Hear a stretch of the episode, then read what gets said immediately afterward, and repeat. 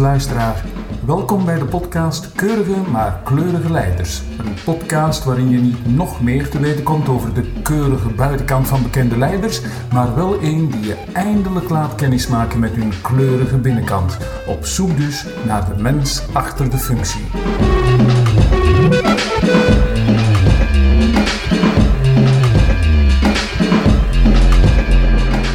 Toon, bedankt voor de komst. Uh, beste luisteraars, voor mij zit Toon Bosuit. Dat doet misschien bij sommigen een belletje rinkelen, bij anderen niet. En uh, voor degene waar het niks doet rinkelen, zou ik jou willen vragen van jou even voor te stellen aan de luisteraars. Wie ben jij? Dag Bart, ik ben Toon Bosuit. Dus. Ik ben uh, bedrijfsleider van Bospaints en Colora. We zijn een familiebedrijf, derde generatie. Mijn grootvader is begonnen destijds, na de oorlog. En wij zijn uh, een bedrijf met 19 familiale aandeelhouders, okay. waarvan dat ik er één van ben. En ik ben ook de bedrijfsleider. Maar er zijn bij ons in het bedrijf nog uh, vijf andere mensen die meewerken. Van de familie bedoel ik. Oké. En hoe, hoe, oud ben je nu, Tom?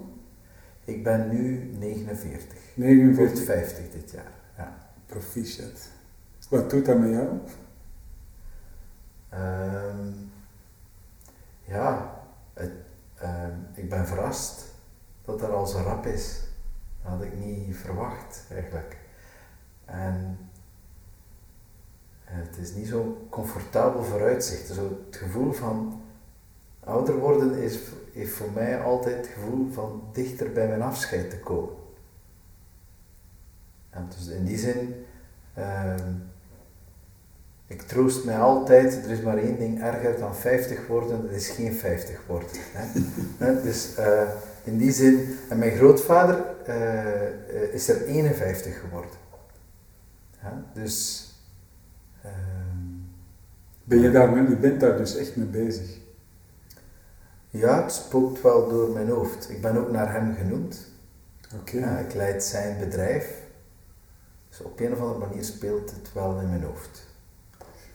Ik ben daar ook niet hele dagen mee bezig. Maar verandert het iets voor jou in jouw handelen? Nee. Dat niet? Nee, dat niet. Het is niet dat je bewuster begint om te gaan met de dingen of, of meer begint te, te relativeren? Of... Ik probeer altijd bewust om te gaan en ik probeer altijd te relativeren. Maar het is niet dat ik daar beter in slaag omdat ik dicht bij de 50 kom. nee, dat niet. Okay. niet. Oké. Zeg, dus er zitten vijf, er zijn 19 familiale aandeelhouders en er zitten er vijf mee in de zaak. Ja, samen met ik zes eigenlijk. Alleen okay. vijf en half. Ik heb een nicht, mijn nicht is voorzitter, ja. dus die zit zo'n beetje half die werkt niet echt mee actief in het bedrijf. En hoeveel personeelsleden zijn er uh, momenteel bij jullie? Bij Bospaint ongeveer 270, 275 en dan hebben we ook nog eens de helft van de Colora's zijn eigenlijk ook deel van het bedrijf, deel van de groep. Daar werken er ook nog eens 75 mensen, zoiets. Ja. Is het niet lastig om uh, samen te werken met familieleden? Of familieleden als aandeelhouder te hebben? Ja, uh, dat dat kan een zegen en dat kan een vloek zijn. Um, als je goed overeenkomt, is dat eigenlijk echt een zegen. Omdat het toch het gevoel van eenzaamheid dat je soms, denk ik, als CEO hebt, ja, toch wel vermindert. Je bent niet helemaal alleen. Um, en zeker mijn, mijn nicht die voorzitter is, Steven, die, die vangt mij wel veel op. Um, dus ja, dat, dat, ik zie dat eigenlijk, ik heb het nooit ervaren als een last, maar op momenten dat, dat er spanningen zijn, um, dan kan het wel lastig zijn. Als je niet op dezelfde lijn zit, als je elkaar niet goed begrijpt, dan kan het wel lastig zijn om, om ja, je hebt toch minder vrijheid om je relatie met je familie te managen dan met uh, een vreemde. Hoezo? Omdat, kijk, ik, uh, als ik, uh, stel dat ik een directielid of iemand in mijn team zou hebben waarmee dat moeilijker gaat en dat, dat escaleert, of dat blijkt moeilijk oplosbaar, dan kunt je afscheid nemen van elkaar. En dat is altijd een pijnlijk proces als zoiets moet gebeuren.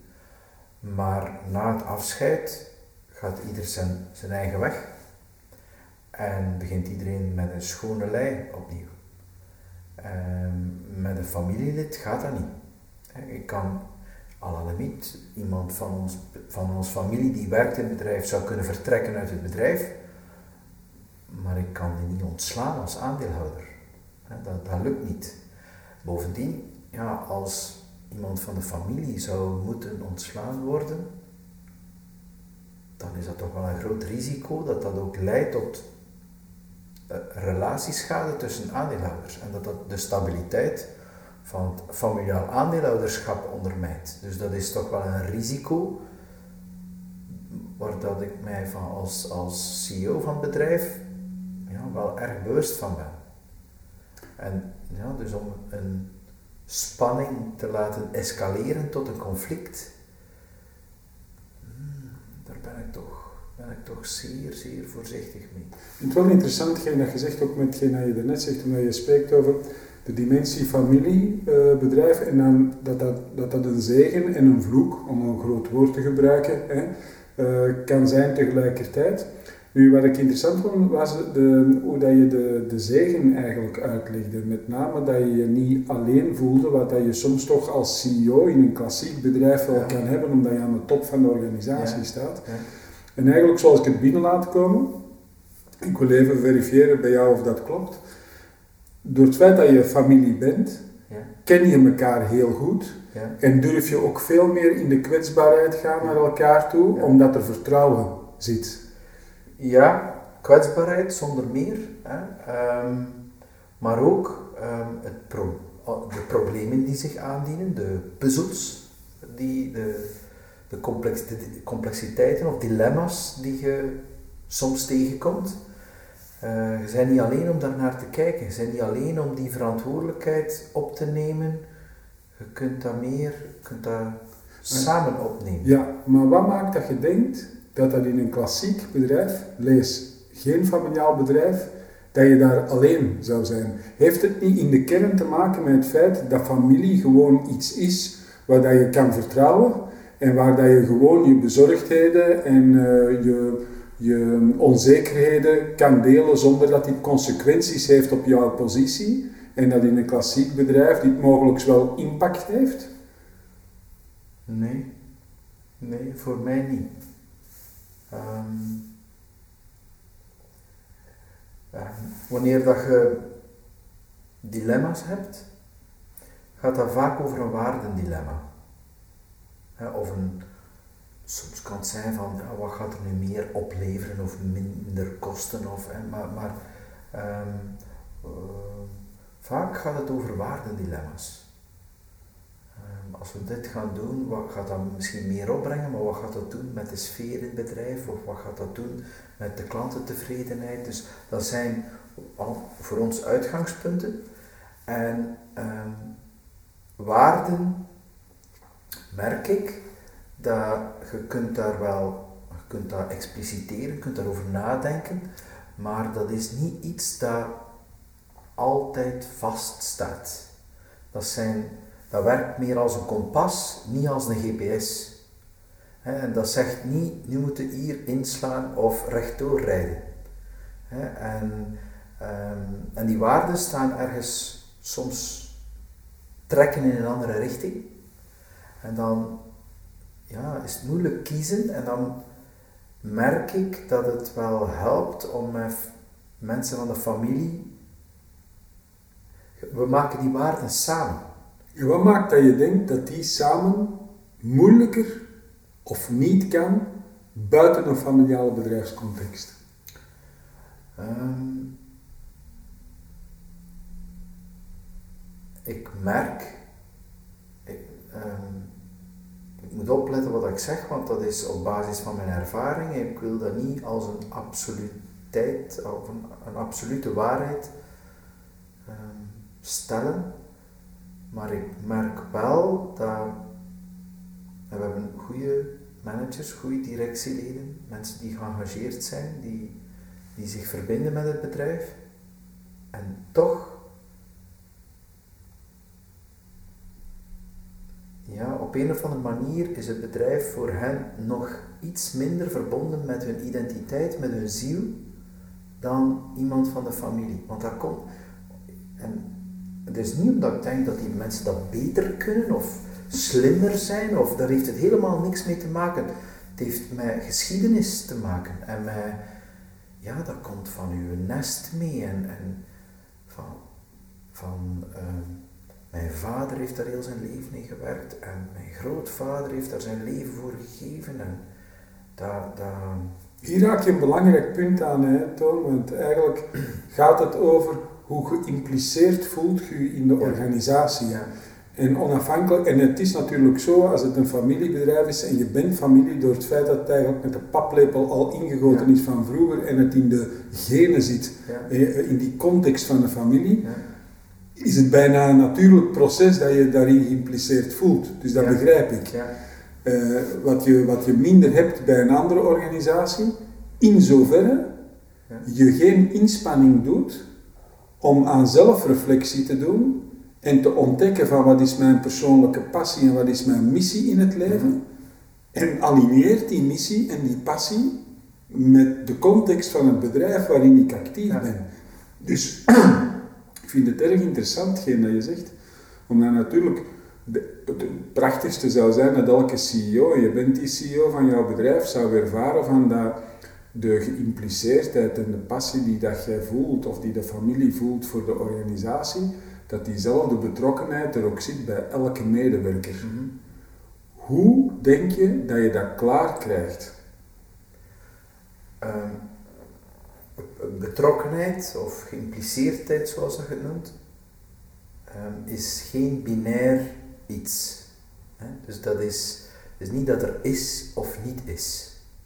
Dat is er in meerdere mate en waarschijnlijk bij familie in extreme mate.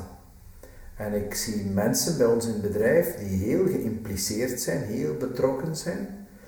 Dat heeft te maken met hoe lang ze bijvoorbeeld in het bedrijf werken. Dus logisch, hoe langer dat je daar werkt, hoe meer van, je, meer van je ziel dat er in het bedrijf zit.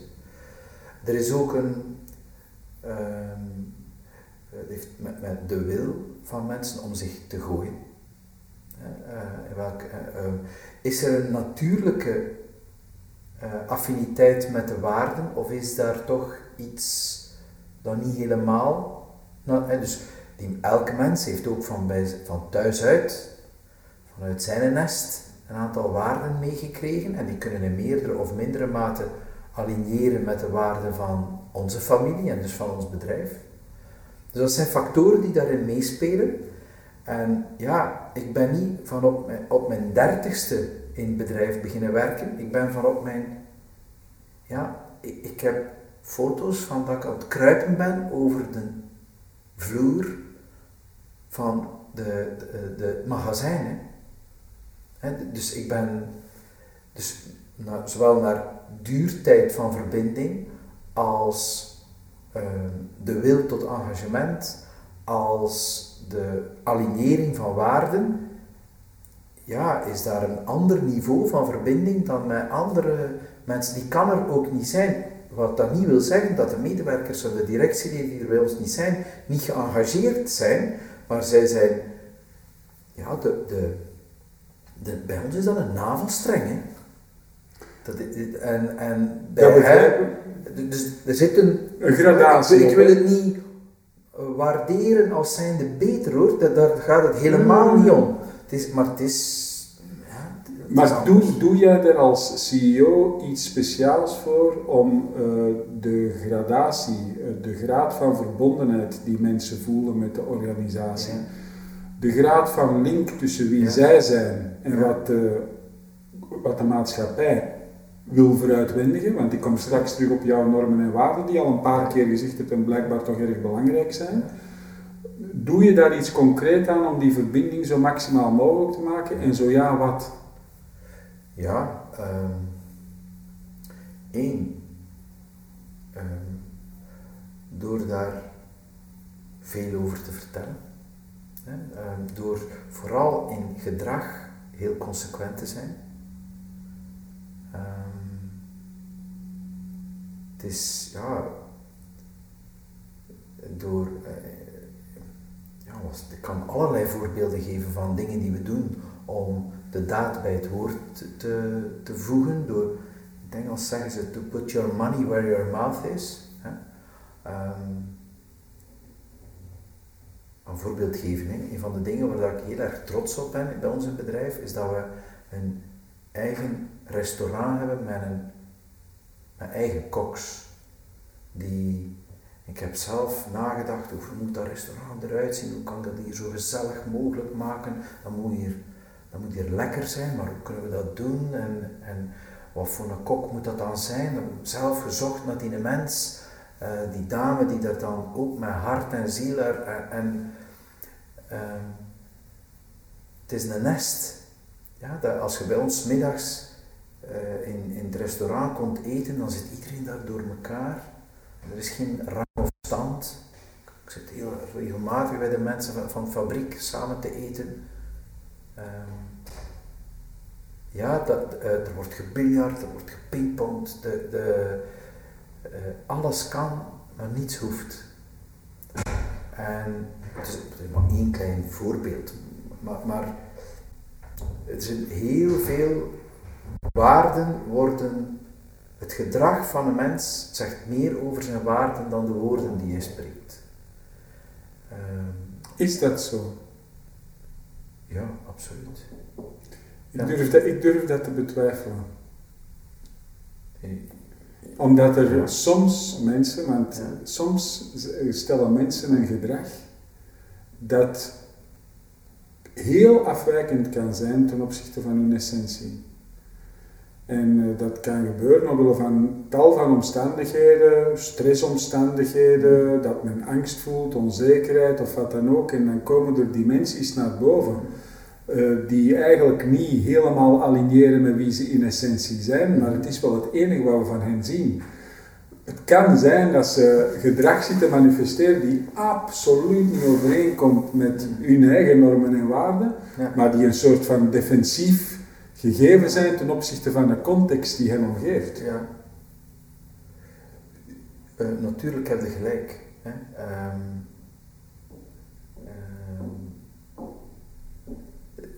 we doen ook niet één, het is te zien hoeveel keer dat je iemand ziet. Hè? Ja. ja en, uh, maar mensen zien mij en, en mijn neven en nicht en mijn broer hele dagen. Ja, tuurlijk. Ja, en, Wat zijn jouw normen en waarden dan? Want je hebt al veel keer normen en ja. waarden genoemd. Wat zijn die van jou? Um, een van de dingen. Enfin, ik kan het natuurlijk hebben over de waarden van het bedrijf. Ik vraag naar ja. die van jou. Ja, wat is dat? Dus, um, ik voel mij niet beter dan iemand anders. Dus gelijkwaardigheid is voor mij heel belangrijk. Um, en tegelijkertijd een streven naar iets moois te maken. Iets dat de moeite is. Iets dat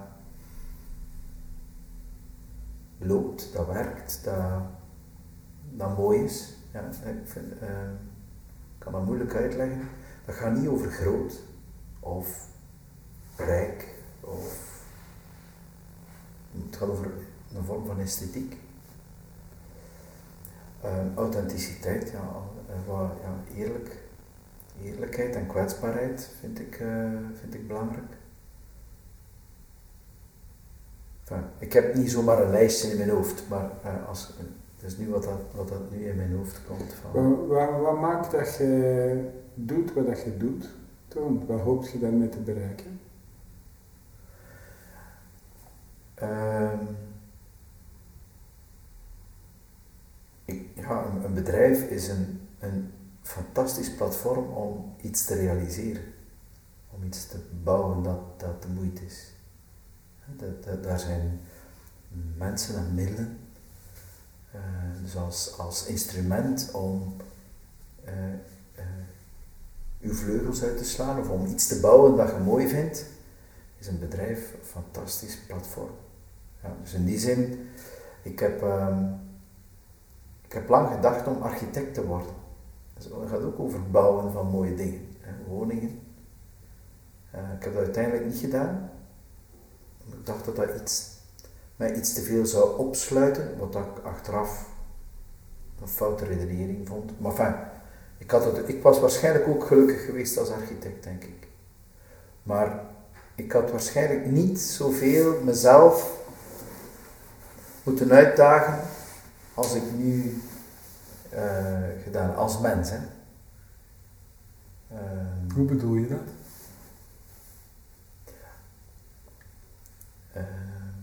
Ik heb in mijn leiderschap altijd heel goede intenties gehad. Ik ben iemand, nou, dus gelijkwaardigheid bijvoorbeeld is voor mij heel belangrijk. De mensen meekrijgen, zien dat de mensen hun vleugels kunnen openslaan ook. Hè, dat, dat, en willen op een positieve manier benaderen. Maar die intentie is zeker niet genoeg om dat dan ook te doen. En ik heb vanuit goede intenties veel verkeerde dingen gedaan, gezegd, mensen gekwetst, mensen ruimte ontnomen, mensen motivatie ontnomen, um, omdat ik niet beter wist, omdat ik blind was op een manier, omdat ik, um, ja, omdat ik gewoon ja, niet wist hoe ik dat beter kon doen. En ik maak nu nog uh, fouten. Ben, het is nu nog bij momenten hard zoeken naar de juiste manier. De juiste balans vinden tussen ruimte geven en richting geven. Um, hoe kunnen die twee, daar, ben ik nog altijd heel hard naar op zoek, hoe kan ik dat tegelijkertijd doen? En dat is ja, echt wel een zoektocht voor mij geweest en nog altijd. Vaak helpt het gewoon door die vraag op tafel te leggen. Want meest te anticiperen ja. op die vraag, ja. vooral je dat je in de interactie gaat met diegene die hij of zij leidt. Mhm. Maar het volstaat vaak van de vraag goed duidelijk te hebben waar je mee zit en ze gewoon ten opzichte van jouw mhm. medewerkers op tafel te leggen. En, en vaak geeft hun antwoord jou de oplossing. Ja. Ik ben zeker dat dat bij momenten echt kan helpen.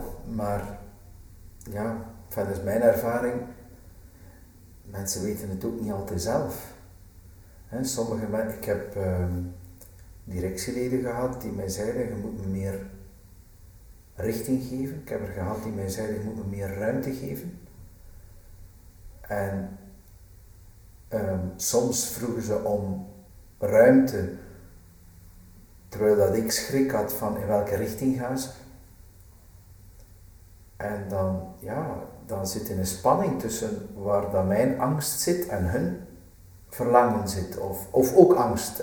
angst om beknot te worden, mijn angst dat de verkeerde richting uit. En wat is dan goed leiderschap op dit moment? Dat is als je voldoende vertrouwen hebt in een organisatie, in elkaar en, en voldoende kwetsbaarheid hebt mm geïnstalleerd, dan is het de kunst van heel goed te capteren van waar zit ik op dit moment mhm. mee.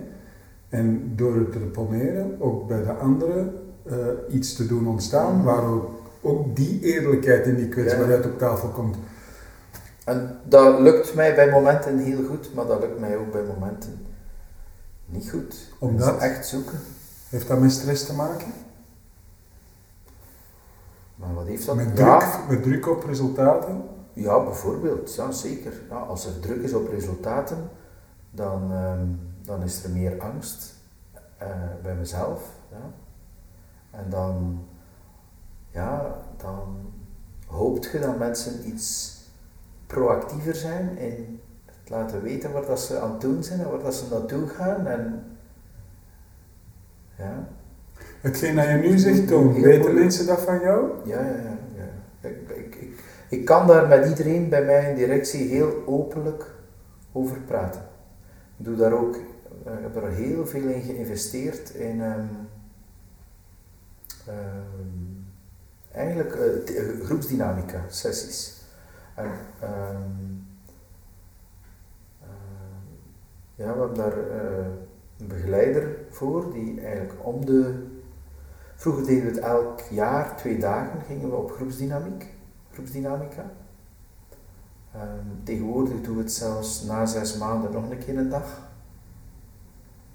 Om, ja, omdat het nodig is en om, om ervoor te zorgen dat alles openlijk kan besproken worden. En ik denk dat we op dat vlak al heel veel maturiteit hebben in het team. Maar dat wil daarom niet zeggen dat alles vanzelf gaat. Dat is het niet. Dat is het niet altijd. Wat was, was jouw persoonlijke missie in het leven toen? Ja.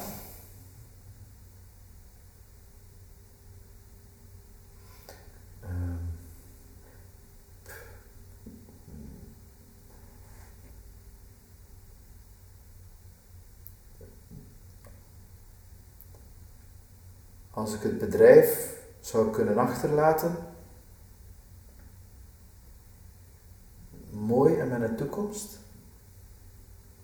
Ehm, en bijvoorbeeld voor mij betekent dat als we als het bedrijf, uh, want vandaag zijn we eigenlijk quasi uitsluitend actief in België.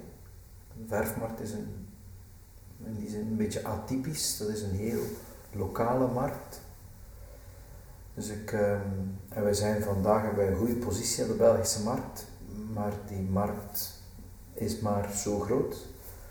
En ik hoop dat als ik ooit stop, dat het bedrijf een, activiteit en een perspectief heeft op groei in het buitenland. Waarom?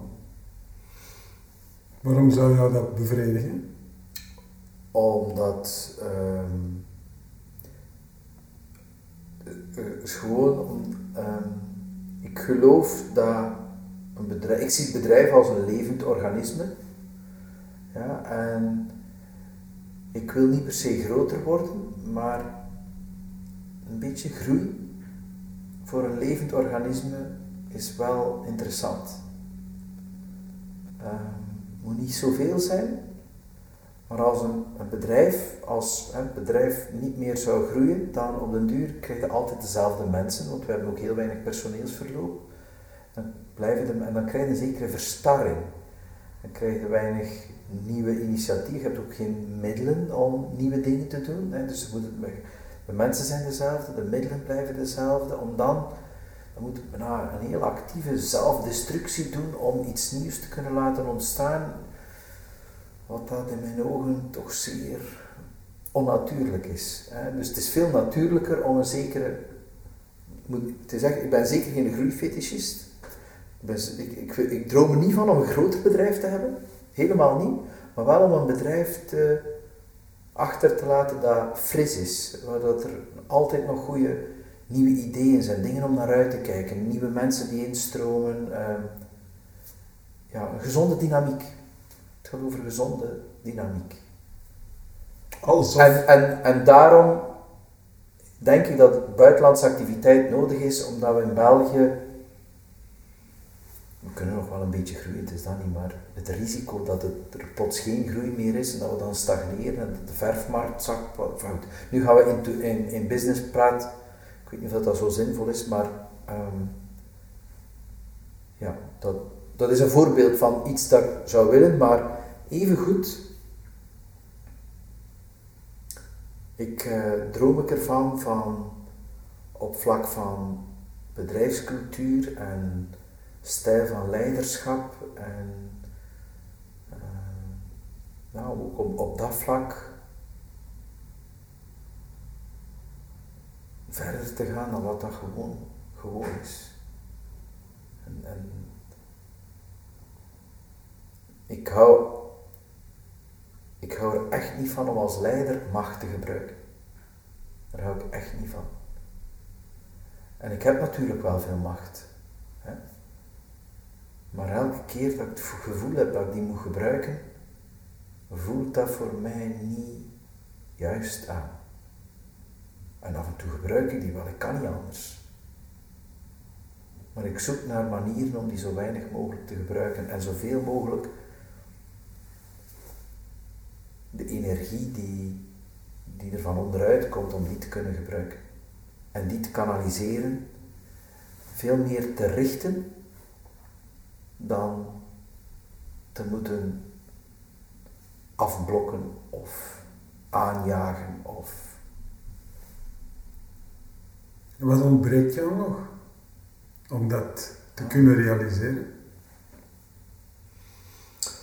Um,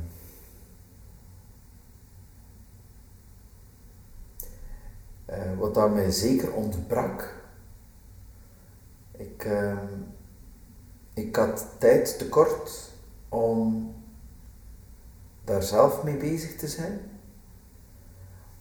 Of ik had het te veel het gevoel dat ik het allemaal zelf moest bedenken of... En ik heb nu recent een nieuwe HR-directeur. En ik ben enorm hoopvol. Want ik ben heel erg enthousiast van haar... Ehm, ja, er is een heel grote match tussen haar visie en waarden van hoe dat wij als bedrijf met elkaar moeten omgaan en wat ik denk. En er zijn nog, er zijn ongelooflijk, als je erbij stilstaat, ongelooflijk veel systemen in een bedrijf die een veronderstelling van top-down macht uh, in zich houden. En die systemen hebben wij ook. Uh, en ja, het redesignen van die systemen om, om ze toe te laten, de ondersteuning om van, uh, te zijn, om de mensen zichzelf hun weg te laten vinden, maar wel samen in de juiste richting. Want dat is het moeilijke. Veel mensen denken dat zelfsturing en van, van die begrippen, dat dat tot chaos leidt. En misschien is dat wel ook zo in veel gevallen. Dat mag het natuurlijk niet zijn, want dan bouwt je niks moois. Dus hoe doe je dat? Samen iets moois bouwen. Zonder macht te gebruiken. Ja, dat... In de kwantumfysica is chaos de start voor innovativiteit. Ja, ja, ja, ja, in die zin, ik ben niet per definitie tegen chaos. Er mogen zeker momenten van chaos zijn. En, en momenten ook van niet weten. En momenten van brainstorm en onduidelijkheid en proberen en trial and error. Maar toch op een of andere manier moet het wel in een richting gaan. Je kunt in alle richtingen. Ja, in mijn hoofd in elk geval is een bedrijf geen entropie, toch, op een of andere manier. Zoals dat een, ja, een plant of een jungle, het zijn allemaal levende organismes, voelen toch ook aan alsof dat er een bepaald systeem in zit. Een bepaalde richting. Met een samenhang die klopt op een of andere manier. Niet overal en altijd. Maar op een of andere manier voelt het toch aan alsof dat het klopt. Ja. Wat gelooft jij, toon van jezelf, dat niet waar is? Wat geloof ik van mezelf dat niet waar is? Oei, als ik dat zou weten. Wat geloof ik van mezelf dat niet waar is? Ik. Uh, ooit, oh, ik spreek van het jaar 98 of zoiets, las ik het boek Emotionele Intelligentie van Daniel Goleman. En toen dacht ik, um, empathie, dat dat wel in orde was bij mij. Ondertussen weet ik dat dat niet waar is. Is het echt? Ja. ja. Of toch zeker niet altijd. En veel minder dan dat ik het zou willen. Ja. Oké. Ja. Dat, uh, ik, dat, ja, dat, dat was een blind eigenlijk wat dat, uw vraag vraagt naar een blinde vlek. Hè. Wat, wat, zijn blinde vlekken? Ehm, ik kan alleen maar mijn blinde vlekken uit het verleden opnoemen. Hè. Die, van, die er vandaag nog zijn, die kan ik niet opnoemen, want dan zijn het, ja, dan zijn het geen blinde vlekken. Zit je gelukkig toen? Eh, soms. Meestal. Wat is geluk voor jou? Niet altijd.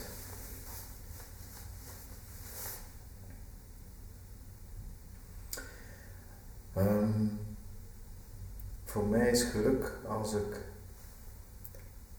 trots kan zijn op iets, dingen dat ik doe. Als ik dankbaar kan zijn voor dingen die ik krijg. En als ik graag gezien word.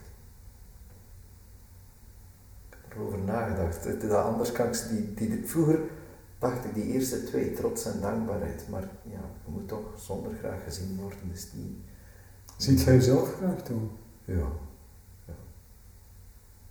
Alles bij elkaar wel. Anders zou ik dat niet zo makkelijk kunnen zeggen.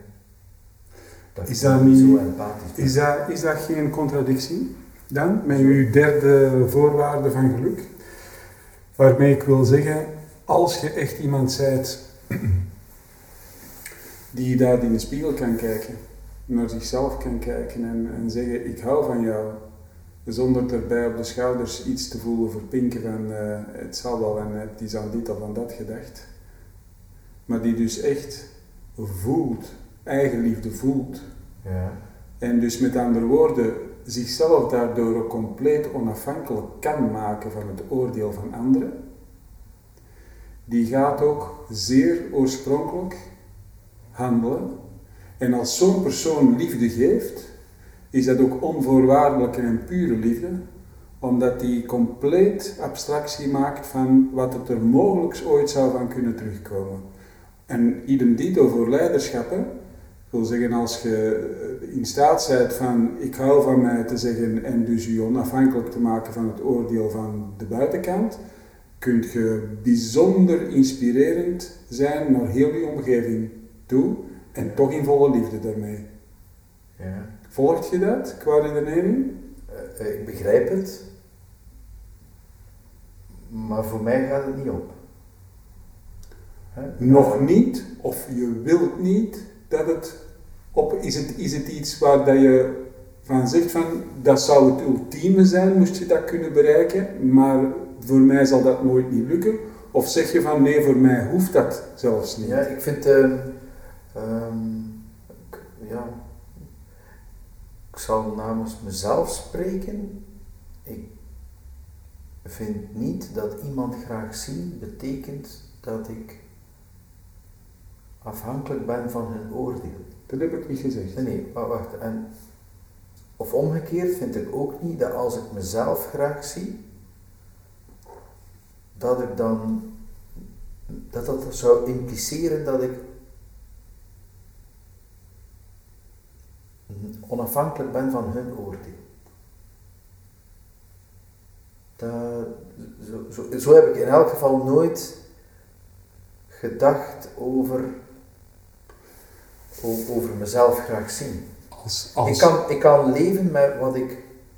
Kijk, als je zelf voldoende bevestiging, als je voldoende hebt Ja. aan je eigen bevestiging en je dus geen nood meer hebt aan de bevestiging van iemand anders, ja, bevrijd je jezelf automatisch Ja. van het oordeel van je publiek. En als er dan een vriendschap komt of een liefde vanuit dat publiek naar u toe, kunt je dat aanvaarden en is dat nog altijd fijn, maar je hebt het niet meer nodig. Dat is een verschil. ja. Ja, maar, maar eh, eh, ik, ik, ik, ben, ik, eh, ik ben in de war dat voor u precies liefde hetzelfde is als goedkeuring. Of, nee, Nee, ik hoor jou zeggen van een derde dimensie voor mij van geluk ja, is waardering van de anderen. nee, graag gezien worden. Of graag gezien worden Ja. door de anderen. Ja. Dat, voor, voor mij is dat dat men mij graag ziet met de dingen die ik verkeerd doe en die ze misschien niet zo oké vinden. aanvaarding dus. Ja. Wat, aanvaarding? Nee. Ja, aanvaarding hoort daar misschien bij, maar het is veel meer dan aanvaarding. Ik zie u graag, om, ook al vind ik dat je soms dingen doet die ik niet zo fijn vind. En heb je dan het gevoel, Toon, En ik vind dat van mezelf ook. Hè. Voor mijn Ja. eigen liefde is, ik zie mezelf graag, ook al doe ik soms dingen waarvan ik denk, bos uit toch. Wat is Ja, dat oké, maar heb je het gevoel van, door het feit dat die component voor jou een belangrijke component is in jouw geluk, heb je het gevoel dat die u minder vrij maakt.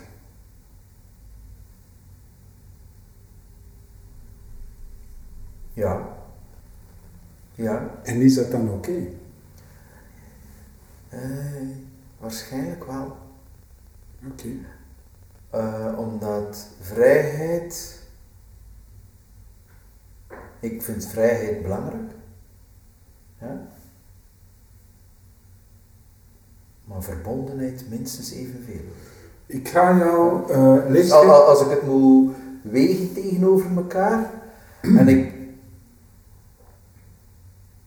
Het is een zeer interessant thema, hè. Toon, want eh, en als je erin trekt, ik weet niet of dat je af en toe leest, boeken leest, ehm, wat een, omdat je nu te straks sprak over dat je ooit misschien voor architect had eh, willen gaan, maar Ja. dat niet gedaan hebt, en we nu op die thema komen, is er een fantastische roman ehm, van Ayn Rand, ik weet niet of dat je er ooit van gehoord hebt, geschreven in 1943, is echt een must-read, en dat noemt The Fountainhead, of in het Nederlands De Eeuwige Bron. Elk jaar speelt toneelgroep Amsterdam Ja. dat, eh, dat in Amsterdam, maar over heel de wereld. Dat theaterstuk duurt vier uur. De boek zelf, het boek zelf is duizend bladzijden. Maar het is zo prachtig omdat daar in de dualiteit echt zeer expliciet wordt gemaakt tussen twee architecten. Eén architect die zegt van het is ik en ik ga voluit voor mijn ik en of ik daarvoor verguisd word door heel de wereld. Je m'en fiche complètement, maar het zal wel oorspronkelijk blijven. En die heeft dus geen succes, om het nu even zwart-wit te zeggen. En de andere, die kan zich perfect aligneren aan datgene wat het publiek goed vindt en is dus ook succesvol. Ja. Zeer prachtig geschreven ja. en brengt eigenlijk die thematiek zeer dichtbij, die Ja, niet zo eenvoudig is eh, Ja, nee, nee, trouwens. nee, nee, nee. nee. Ik vind, het, het, is, het is moeilijk, want ik merk ook, ik wil, eh, als ik in een relatie met iemand die ik graag zie, een spanning heb, dan voel ik ook dat mijn vrijheid ontnomen is. En dat zijn de dingen waar ik het meest... Ik, ik voel ook mezelf blokkeren dan. Net omdat het zo'n belangrijke relatie is voor mij, of dat er nu mijn partner of bijvoorbeeld eh, iemand van eh, een familielid op het werk bijvoorbeeld. En dat zijn belangrijke relaties van mensen die ik graag zie en die... die en daar zit, er zit een zekere onvrijheid in. Dat, dat merk ik wel. En ik voel ook wel in de mate dat er onvrijheid doet, ja, leg ik mij die zelf op, die onvrijheid? Mogelijk zijn. Du- Dus ehm eh, kan, eh, kan dat zien. En dat zijn de thema's. Ik ben al een paar keer in mijn leven zo dat, ik op het randje kom, dat ik het lastig heb. En dan meestal gaat het daarover. Hè, Dus, ehm, en, en dan ben ik niet gelukkig. De- Dan, dan ben ik ongelukkig. Gelukkig is dat niet altijd mijn hele leven. Hè. Meestal is dat, ik heb het leven thuis, ik heb mijn vrouw, mijn kinderen, ik heb mijn ouders, ik heb, mijn, ik heb bedrijf, ik heb nog vrienden. Dus ik heb verschillende levens. Maar als er zo in een van die belangrijke levens iets fout zit, op dat vlak, dan, dan, ja, dan, dan moet ik opletten. Want, anders, Anders, ja, ik verlies mijn energie, ik verlies de fut in mijn leven, ik verlies, ja, en dan zou er alles aan doen om die relatie terug te redden dan. Eh, nee, niet alles, maar wel veel. En ik merk dat ik dan, ik blijf dan in het dilemma hangen. En, en ik, ik, ik, ik, exploreer dan van wat kan er en wat zijn er oplossingen en, en, en ik voel aarzeling en twijfel van durf ik nu wel dit te doen of durf ik dat te zeggen of, hè, dus ik, ik, eh, ik voel dan veel twijfel en onzekerheid bij mezelf en aarzeling om door te pakken. En ik, ehm, ik begrijp van waar die aarzeling komt. Die aarzeling komt van het niet willen opblazen van de relatie. De schrik dat als ik door zou pakken, dat dan de relatie springt. En dus ik, ik merk dat ik op dat moment tijd nodig heb om mij bewust te worden van wat is dat hier nu juist, wat wil ik hier nu precies, hoe belangrijk is dat voor mij. En dan een keer dat, en, en dat, dat kan soms maanden duren, en dat is een, is een zeer pijnlijke periode van onzekerheid en twijfel en futloosheid, moeheid ook. Waarschijnlijk ga ik daarin te ver. Laat ik dingen te ver komen. Laat, ehm, dus ik wil daar wel voor mezelf iets aan doen om dat sneller, om daar sneller scherpte in te krijgen en dan te zeggen van kijk, hier is mijn grens. Dit is nu wat ik wil. ik heb dat wel een paar keer in mijn leven al meegemaakt. En dat ik dan uiteindelijk wel mijn grens trek. Op een schaal van 0 tot 10, hoe gelukkig bent je? Nu? Nu. Nu? Het varieert. Alleen, nu. Nu? Oh, toch minstens 7 of 8. Ja. Was er nog nodig om tot 10 te geraken?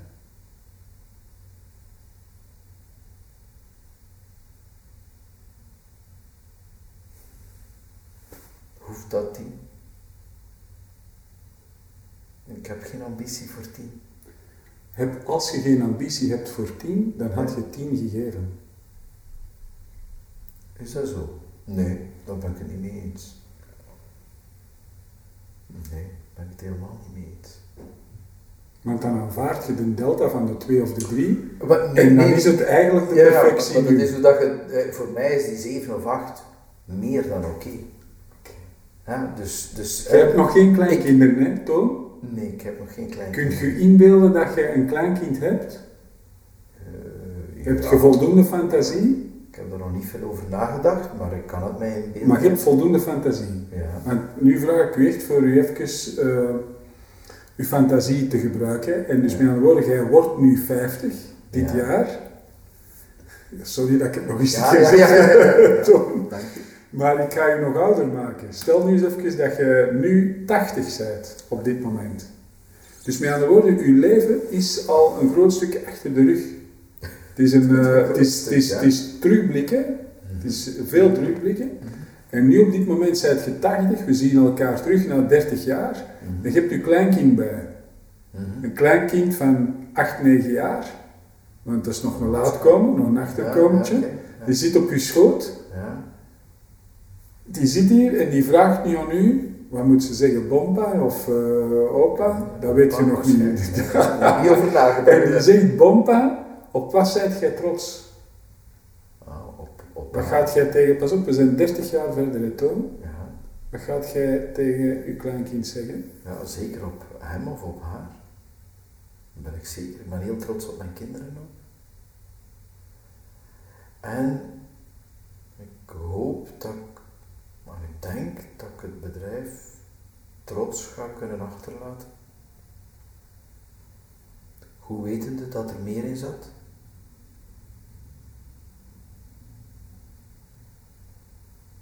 Maar toch ook trots zijn op wat ik gedaan heb, ja. Zeker. Zeker. Maar waarom doet je wat je doet? Want dat is in iets, dat is hetgeen dat mij opviel in je ja. componentenbeschrijving. Als ik vroeg aan jou, ja. wat is geluk voor jou? Ja. Je hebt het niet over zijn gehad. Hè? Je hebt het over, je eerste woord was doen. Uh. En vaak krijg je dat, er zijn twee grote dimensies in het leven. Je hebt de kamer van doen en je hebt de kamer van zijn. Hè? Ja, ja. En mensen gaan vaak stappen in het leven vanuit doen en hopen daardoor te zijn, ja. terwijl dat paradigma alleen maar kan leiden tot druk en tot frustratie en dat de, de, de, de mooiste stap in het leven is vertrekken vanuit zijn en van daaruit ja. te doen. Ja. Ja, ik weet het niet of dat alleen maar. Het is zeker niet alleen maar doen voor mij. Als ik aan mijn kinderen denk, ik doe dat niet veel. Wie is Toon? Kunt u zelf eens een keer beschrijven in twee, drie zinnen? Uw essentie oh. wakken?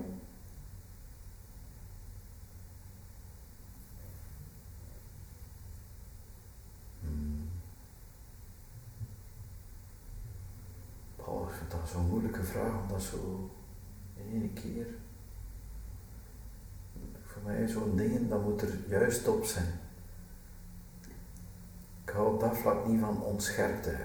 Gevraagd om mij te mezelf te bestempelen. Dat vind ik ook heel moeilijk. Zijn er dingen waar je mee bezig bent toen of niet?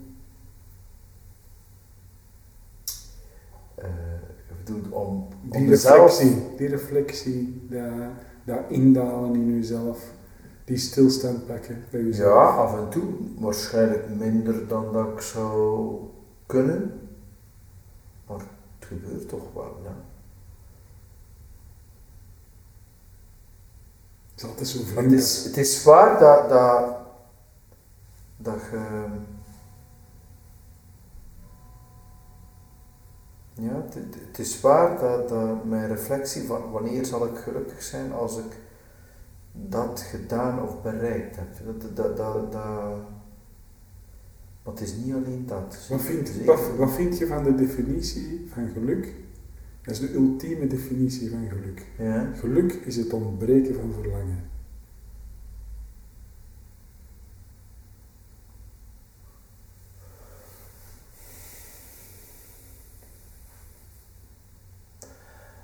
het is een heel erg manier van formuleren. Hè? Ik, hou er, vind het een beetje eenzijdig. Ik zie wat, dus. Um, ik zie dat die uh, vrijheid, die onafhankelijkheid van niet te verlangen, ja,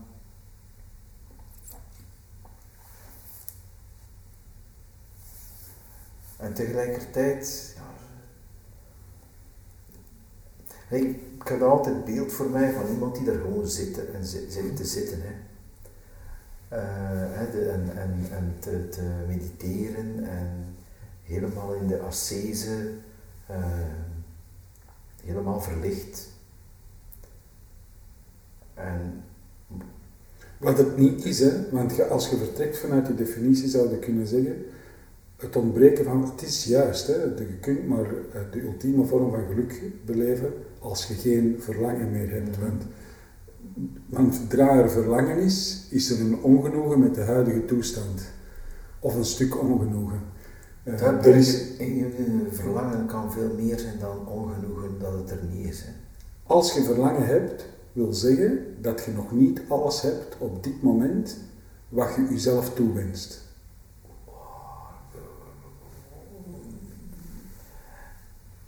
Ik, dus het vooruitzicht om iemand te zien of ik, ik kan ervan genieten om te verlangen en daar zit een zekere onwetendheid in of dat dat zal komen. Voor, voor mij, als ik zou stoppen met verlangen, hè, dan voelt het alsof ik zou stoppen met leven. Wat hoeft er dan nog? Niks meer. Is het zo? Ah, wel, ja. Hè. Eh, dus, dus eh, voor mij is een verlangen, ik associeer dat veel meer met een uitkijken naar dan met het missen van. Vanaf dat je naar iets uitkijkt, ja. noemen ze in het Engels mind wandering, dan is uw geest ja. op dat moment niet aanwezig in het nu, en kunt je onmogelijk op dit moment volledig genieten van dit moment. Omdat er iets is in uw tijdsbesteding die appelleert aan iets wat zich in de toekomst nog moet manifesteren. En dat kan ook zijn, want mensen doen dat ook naar het verleden toe, mm. naar beide richtingen toe, mm. waardoor dat men in het nu eigenlijk weinig beleving ervaart. Ja, ik heb daar weinig last van, want ik ben van nature iemand die enorm in het nu zit. Ik, ik zit alleen maar in het nu. Behalve als je verlangt door iemand dat moet gaan komen. ja, maar dat, meestal zijn dat ik, ik, ik zijn dat kortstondige, heel, zijn dat daar heel weinig mee bezig. Zeg Toon, mag ik nog eens iets vragen? Ja. Wat, wat vind je dat in Wat zou je uw mensen nog willen schenken? Uw werknemers? Uh, hun volle potentieel. Ja. Daar zijt je dus nog niet. Nooit, hè. Alleen van nooit. Ook daar is zoiets van, ik vind het heel mooi om tegelijkertijd dat willen nastreven en tegelijkertijd voldaan te zijn met wat, wat, wat, wat er ook maar is. Je komt mij over als een hele rustige, ja. wijze man, toch? Ja, ja, ja. Het is alsof je al lang geleden Abraham ontmoet hebt. Is het waar? Terwijl dat maar dit jaar. Ik moet hem nog ontmoeten, ja. Ja. Vind jij jezelf rustig? Ja, meest, ja, ik ben vrij rustig. Ja. Niet altijd, maar relatief rustig, ja. Er zijn mensen die minder rustig zijn dan ik, ja, daar, dat, maar er zullen er ongetwijfeld ook zijn. En wat maakt dat jij nu net degene bent die CEO is geworden en niet een ander lid van de familie? Omdat ik het ik wou doen. Ik kan dat niet uitleggen. Ik ben het oudste kleinkind van mijn grootvader. Ik ben naar hem genoemd. Ja, er, is, er zit toch een zeker gevoel van voorbestemming, missie, roeping om het bedrijf voor te zetten. Moest je morgen moest weten dat je morgen sterft, dan heb je van iets spijt?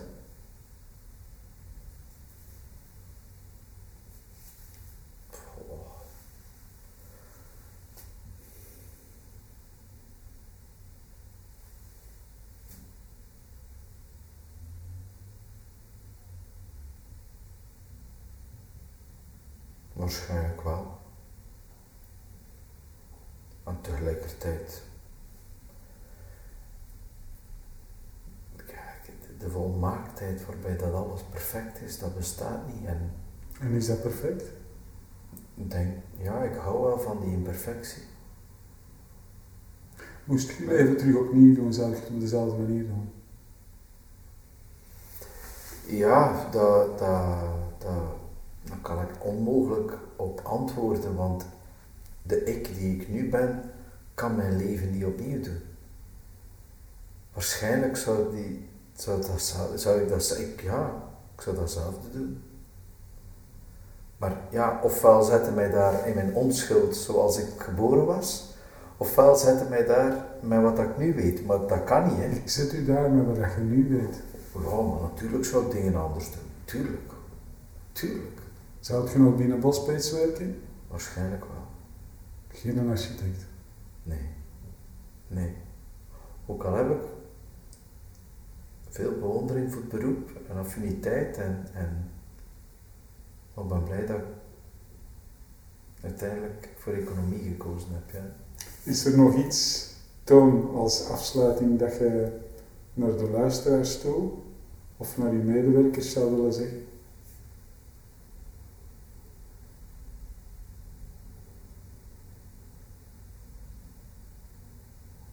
Doe voort en volgt uw hart.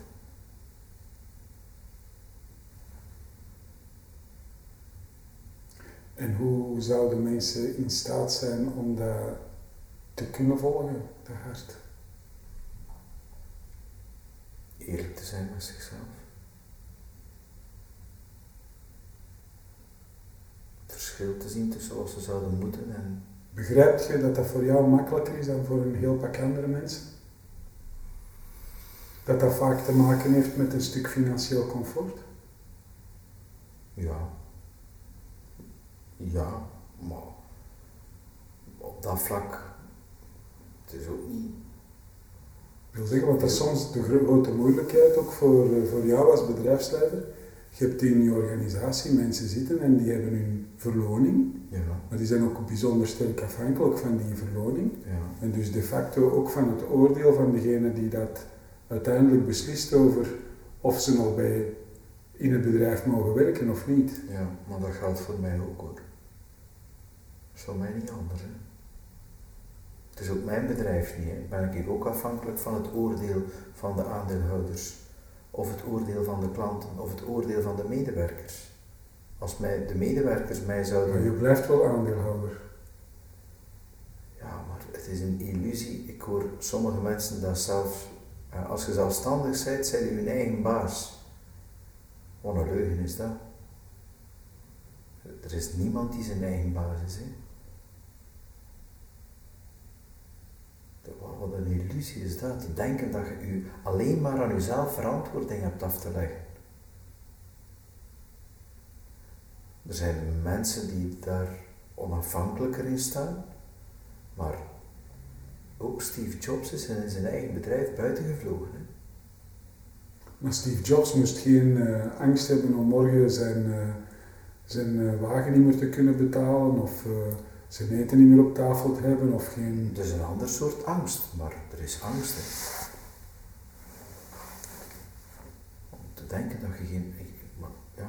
Allee, of je hebt dingen te verliezen. Kom, ik, ik wil je nog in het midden laten of dat er angst is, maar iedereen heeft iets te verliezen. En ik begrijp heel goed dat mensen financieel, zich financieel afhankelijk voelen. Eh, maar ik ben ik ook niet ik leef ook niet in de illusie dat ik mij alles kan permitteren en dat ik mij, ja, dat, dat, oh, ja, ergens zou ik wel graag een keer drie maanden op vakantie gaan, hè. Oh, het idee alleen al. Ik doe dat ook niet, hè, want ja, ik voel mij verantwoordelijk en wat, ja, laat ik dan het bedrijf zomaar achter drie maanden? Misschien kan ik dat, zou ik dat wel kunnen doen, hè. daar, i- iedereen is heeft iemand waaraan hij zich moet verantwoorden. Hè. Ik, enfin, zo, zie ik dat toch. Hè. Ik, eh, ik, mijn kinderen verwachten dingen van mij, mijn vrouw verwacht dingen van mij, mijn medewerkers verwachten dingen van mij, de aandeelhouders, de klanten, mijn vrienden, mijn ouders. Allemaal mensen met verwachtingen naar mij. En ik heb ook verwachtingen naar hen. Zo, zo, zo, zit het in elkaar. Ik kan niet zeggen, oh, ik sta los van die verwachtingen. Ik ben daar, ja, dan ben ik een monnik. Helemaal. Of, of zoals in het boek van Ayn Rand, moet je echt lezen, dan ben je geen monnik, maar dan ben je Howard Rock. Misschien. Interessant. Ja. Goed. Zeker lezen. Lezen. Zeker lezen. Toon, ongelooflijk bedankt voor eh, Ja. jouw komst, voor de tijd die dat je hebt besteed aan eh, dit gesprek. Ja, Ik ben heel blij dat ik jou ontmoet heb. Eh, je voelt voor mij aan als een heel inspirerend figuur. En zou zeker iemand zijn die heel graag zou willen werken voor jou. Dat voel ik zo aan. En ik ben in ieder geval blij dat ik al verf bij jou heb gekocht. Ah, super, super. Oké, hartelijk dank voor dit gesprek en eh, Dankjewel. tot later. Ja. Zo beste luisteraar, dit was het dan voor vandaag. En binnenkort verschijnt er weer een nieuwe podcast. Jij kan helpen om de podcast Kleurige Leiders te laten verder bestaan. En dat doe je heel eenvoudig door je te abonneren op de podcast, de podcast sterren te geven en heel graag zelfs ook je persoonlijk commentaar te leveren. En natuurlijk kers op de taart, helemaal fijn zou zijn moest je de podcast delen in je netwerk. Alvast bedankt en hopelijk tot binnenkort voor een nieuw, intens en echt gesprek met een kleurige CEO.